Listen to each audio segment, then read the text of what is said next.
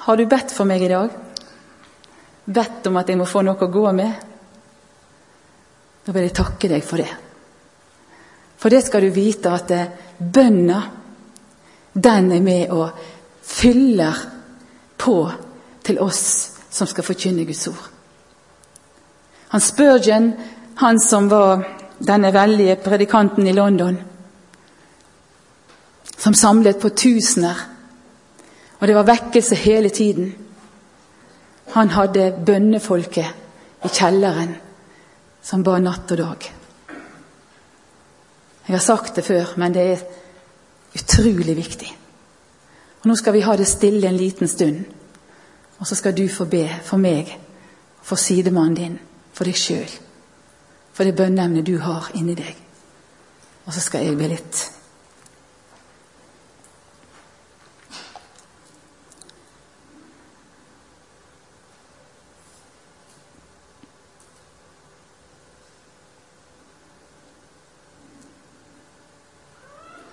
Kjære Jesus, takk for du har hørt alle bønner som har vært sagt akkurat i dette sekund.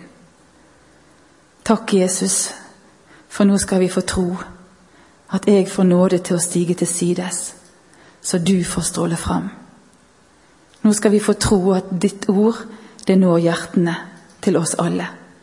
Og det gjør noe med oss, så ingen av oss trenger å gå hjem fra dette møtet og si det var forgjeves, det var bortkasta. Herre Jesus, du som elsker hver eneste som er her. Du vet hva vi trenger å høre. Amen. I dag så er det en kar jeg har tenkt på. Jeg tenker jo hele tiden på Leifen, da, men dette her det er en mann til, og han heter Josef. Og For deg som er kjent i Bibelen, så vet du at Josef levde et spennende liv. Men det var ganske tøft. Og det kan hende du lytter, om du er her eller om du er, lytter til eh, på en PC eller ved en radio eller hva det enn er. Kanskje du tenker hvordan kan jeg vite at Guds vilje er best for meg? Hvordan kan jeg vite at den Gud som jeg ikke ser,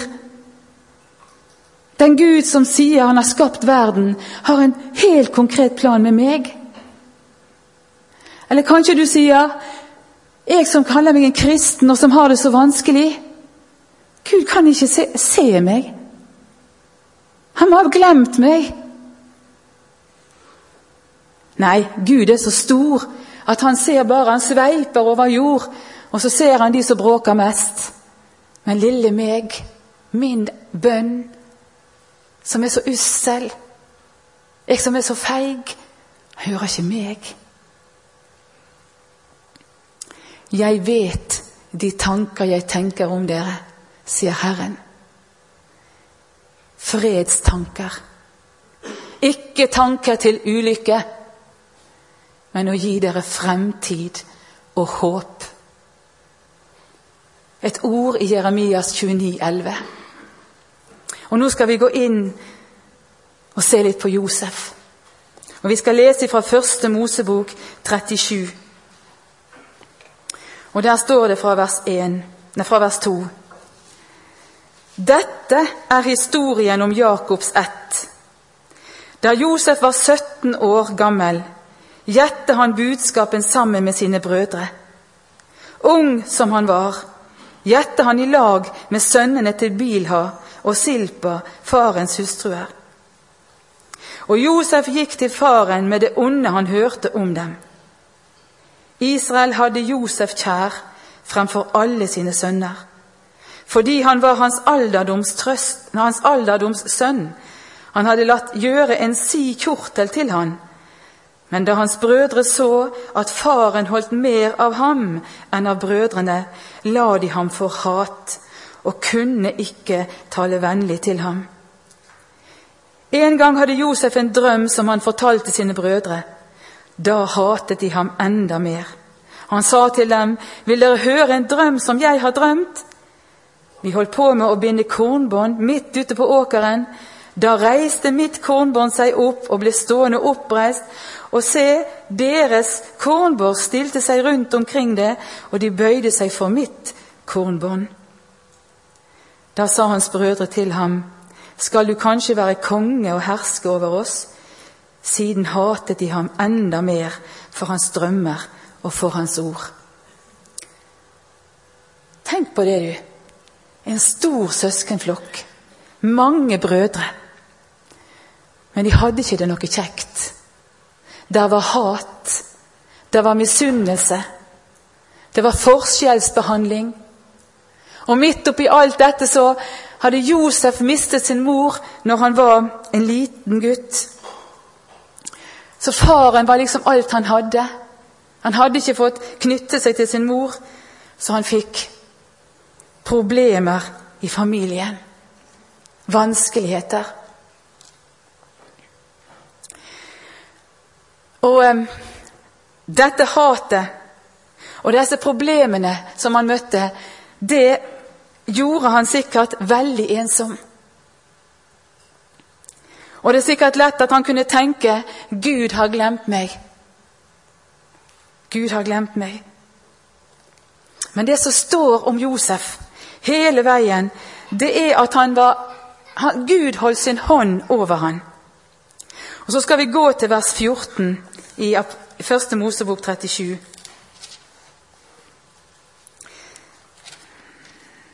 Og faren sa til ham, Gå nå og se om det står vel til med brødrene dine, og om det står vel til med budskapen. Kom så tilbake og fortell meg det. Så sendte Jakob han av sted fra Hebrondalen, og han kom til Sikhem. Og en mann møtte ham mens han flakket omkring ute på marken. Mannen spurte ham, Hva leter du etter? Han svarte, Jeg leter etter brødrene mine. Kan du hjelpe meg og si meg hvor de er? Dette var starten på Josef sin uforskyldte lidelse. Han var ikke skyld i at faren likte han bedre enn de andre. Han kunne ikke hjelpe for at det var han som var født av den kvinnen som han elsket mest. Og så kom han til plassen der brødrene var samlet, og så ser de han, og så kom hatet og misunnelsen opp i dem. Og så gjorde de en grusom ting. De hadde lyst til å ta livet hans, men en av brødrene ba for han, så han ble kastet ned i en brønn. Og der satt denne unge gutten, skrikende, gråtende, ensom, redd, mens brødrene forlot han. Det kan gi gjenkjenning til mange ting. Du sitter her som har opplevd uforskyldt prøvelse. Ting du ikke kunne hjelpe for, som sendte deg inn i masse tøffe ting. Og det er lett å tenke 'hvorfor skal jeg ha det slik'? Josef han ble solgt som slave. Og Vi må jo hoppe litt, for ellers så taler jeg til morgen tidlig. Og det er det ingen som har godt av. Første Mosebok 39, 1 leser vi Josef ble ført ned til Egypt, og Potifar, en egypter som var hoffmann hos farao og høvding over livvakten, kjøpte ham av ismalittene som hadde tatt ham med seg dit.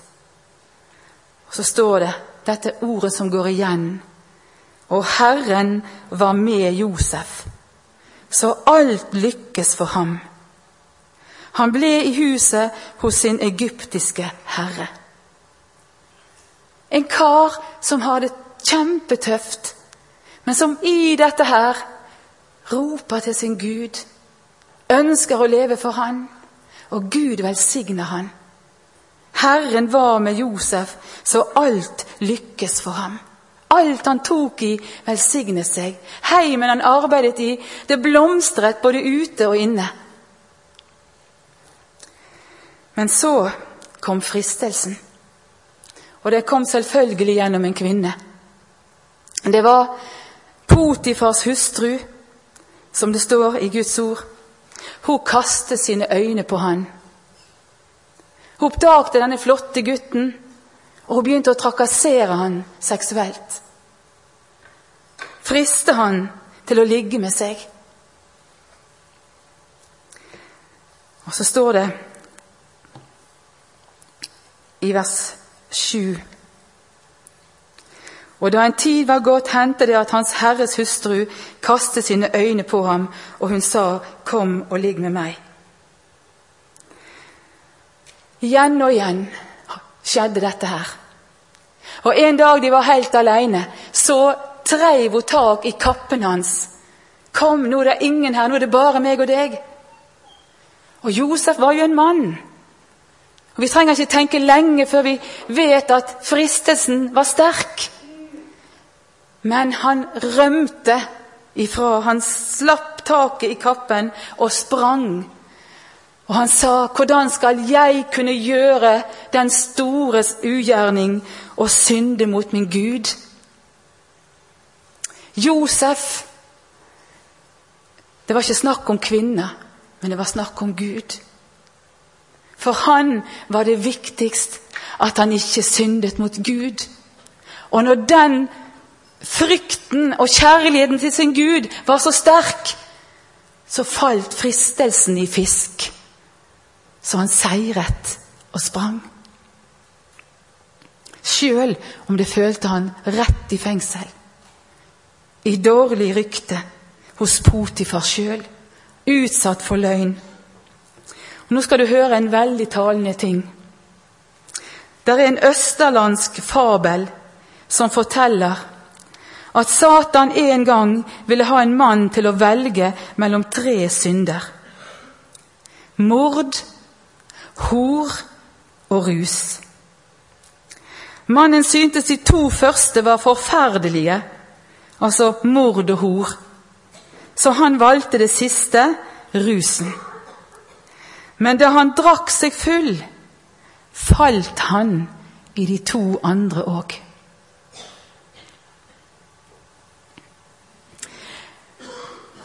Det er fristelser som møter oss alle.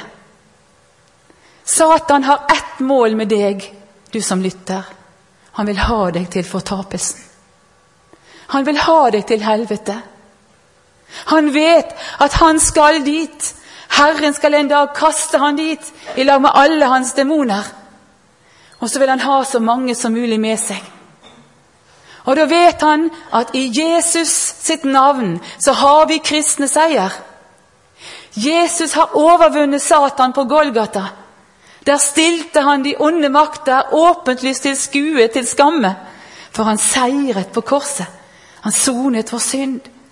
Men djevelen slåss til siste sekund for at jeg og du skal snuble og miste himmelen. Og så vet du hvor du har din fristelse. Men du vet òg hvor du har din seier. Og det er Josef et stort vitnesbyrd om. Be om å få ligne Josef. Be om å få være med en som går til Gud, både når det er medgang og når det er motgang. Og Jeg har lyst til å si litt, kun noen få setninger, om rus. Og han... Eh, Rune Larsen han har jeg vært sammen med på et sånt eh, IOGT-møte oppe på Sunnmøre, våre heimer. Og Han sa det slik Jeg er snart den siste mohikaner med å tale avholdssaken. Og jeg har lyst til å si Avholdssaken er ikke en frelsesak, men en kjærlighetssak. Det er en viktig kjærlighetssak. Hans beste venn, Rune Larsen sin beste venn, han frøs i hæl utenfor hjemmet sitt med nøkkelen i hånda. For han var så full, han klarte ikke å åpne døren med nøkkelen. Og Fra den dag av bestemte Rune Larsen seg for jeg skal redde noen liv med å snakke om avholdssaken. Og Jeg har lyst til å si det til både oss unge både Oss, takk og lov. Du som er ung, og vi som er yngre, nei, eldre. Si til deg sjøl jeg velger å være avholdskvinne, avholdsmann. Og jeg gjør det Jeg gjør det i solidaritet med alle de som er offer for alkoholen. Alle de som har mistet sin mor og fars kjærlighet og sin mor og fars samhold, og som har vondt av det. Og alle de som tok sitt første glass og ble avhengig der og da. Derfor that's it. Jeg klarer meg uten. Og la det ikke bli slik at vi som er kristne, er de som sier 'ta deg et glass, det gjør ingenting'. Det kan gjøre liv eller død for den du sier det til. Josef flyktet fra fristelsen, selv om det betydde fengsel. Og så skal vi ta med dette poenget med at han ble glemt. I første Mosebok 39, 21. Der står det sånn Men Herren var med Josef og lot ham vinne velvilje, og den, og den øverste fangevokteren i fengsel fikk godhet for han.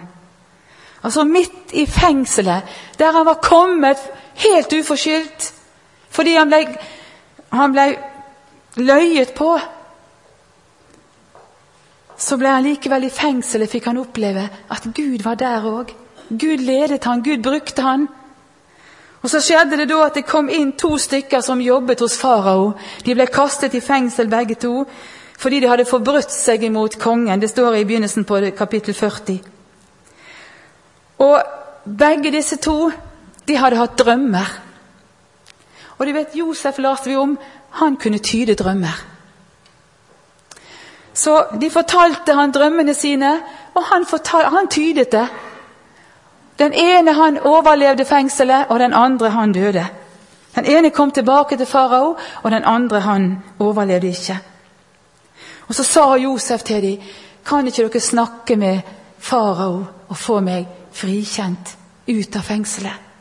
Hjelp meg å komme ut av dette her. Det nytter ikke å spørre mennesker om hjelp alltid. De glemte det. To år satt han i dette fengselet. Men så drømte farao. Og han drømte så skremmende at han forlangte at disse drømmetyderne og spåmennene i hans tjeneste de skulle tyde drømmen. Og ingen kunne. Ikke noen. Da husket han som overlevde fengselet og fikk komme tilbake til farao. Da husket han Josef. Og så sa han det til kongen. Der er en jeg møtte i fengselet. Han kan tyde drømmer. Og Så ble Josef kalt dit, og så opplevde han, for å gjøre en lang og fantastisk historie kort, at Guds time var inne. Der fikk Josef bruk for alt han hadde prøvd. Alt han hadde gått igjennom, kom han til hjelp når han ble tatt ut av fengselet. Drømmene, gaven han hadde fått til å tyde drømmer, den fikk han bruk for. Hans fortrolighet med Herren hadde gitt han visdom, så han kunne gi kongen gode råd. Og hans prøvelser og motgang hadde gjort han sterk. Og Så fikk han være et vitnesbyrd om Gud når han sa det. Det er ikke jeg som kan tyde drømmer. Det er Gud som har gitt meg den gaven. Og det er Han som kan gi meg tydningen, så jeg kan svare deg. Og det siste Mange, mange andre ting, men det siste jeg vil nevne Guds kjærlighet hadde dannet og formet denne unge mannen.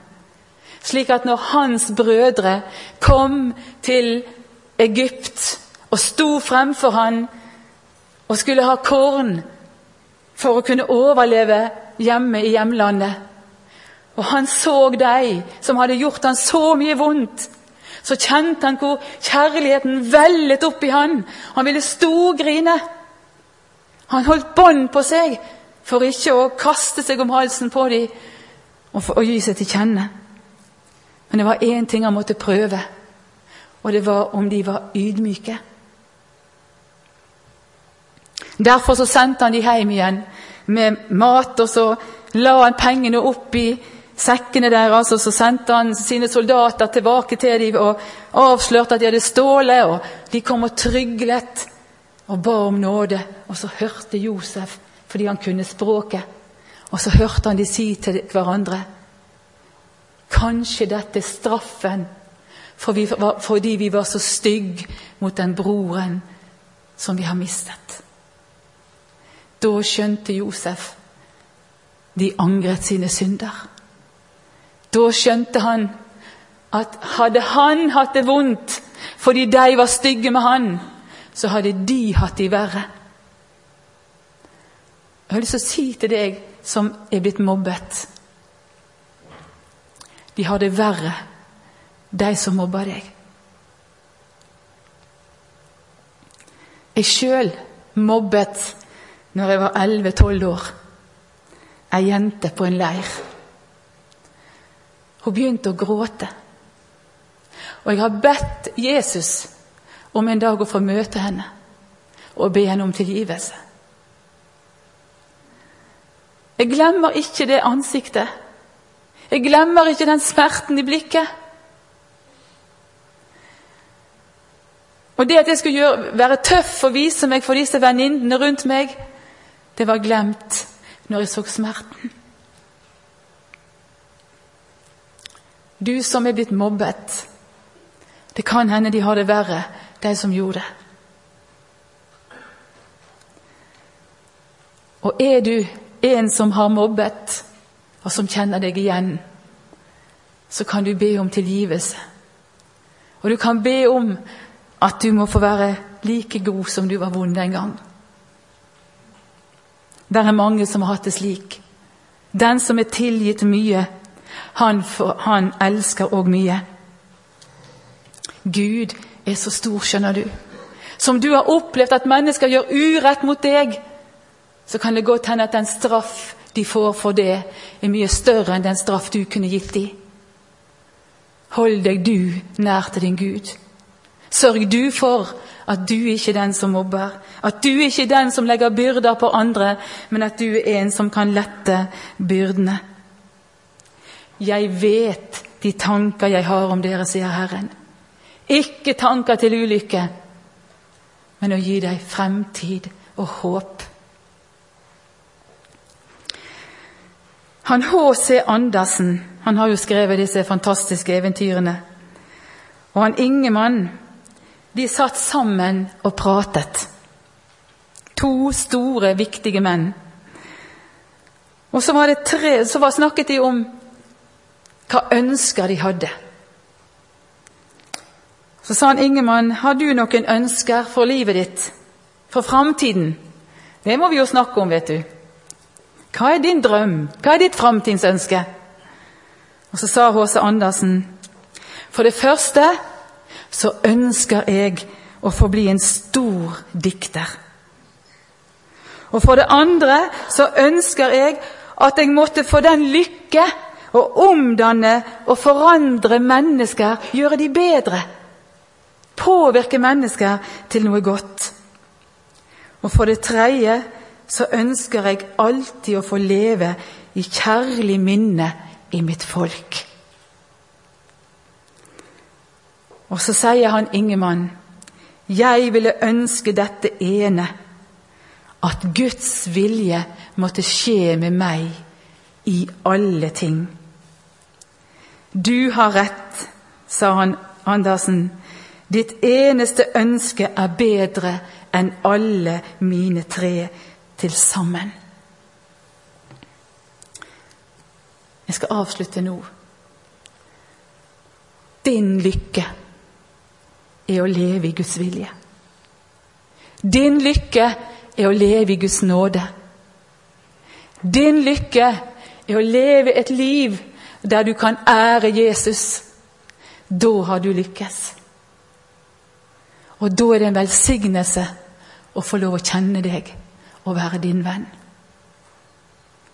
Herre Jesus, jeg takker deg for det du har gitt oss ditt ord og for alt du har lært oss gjennom Bibelen. Jeg priser deg, Herre, for at jeg skal få be om at du må lede vår vei. Og du ser alle som kanskje står i et veikryss her i kveld. Som kjenner på vanskeligheter. Hva skal jeg velge? Hvor skal jeg gå? Må du vise deg din vei, Herre, den beste. Amen.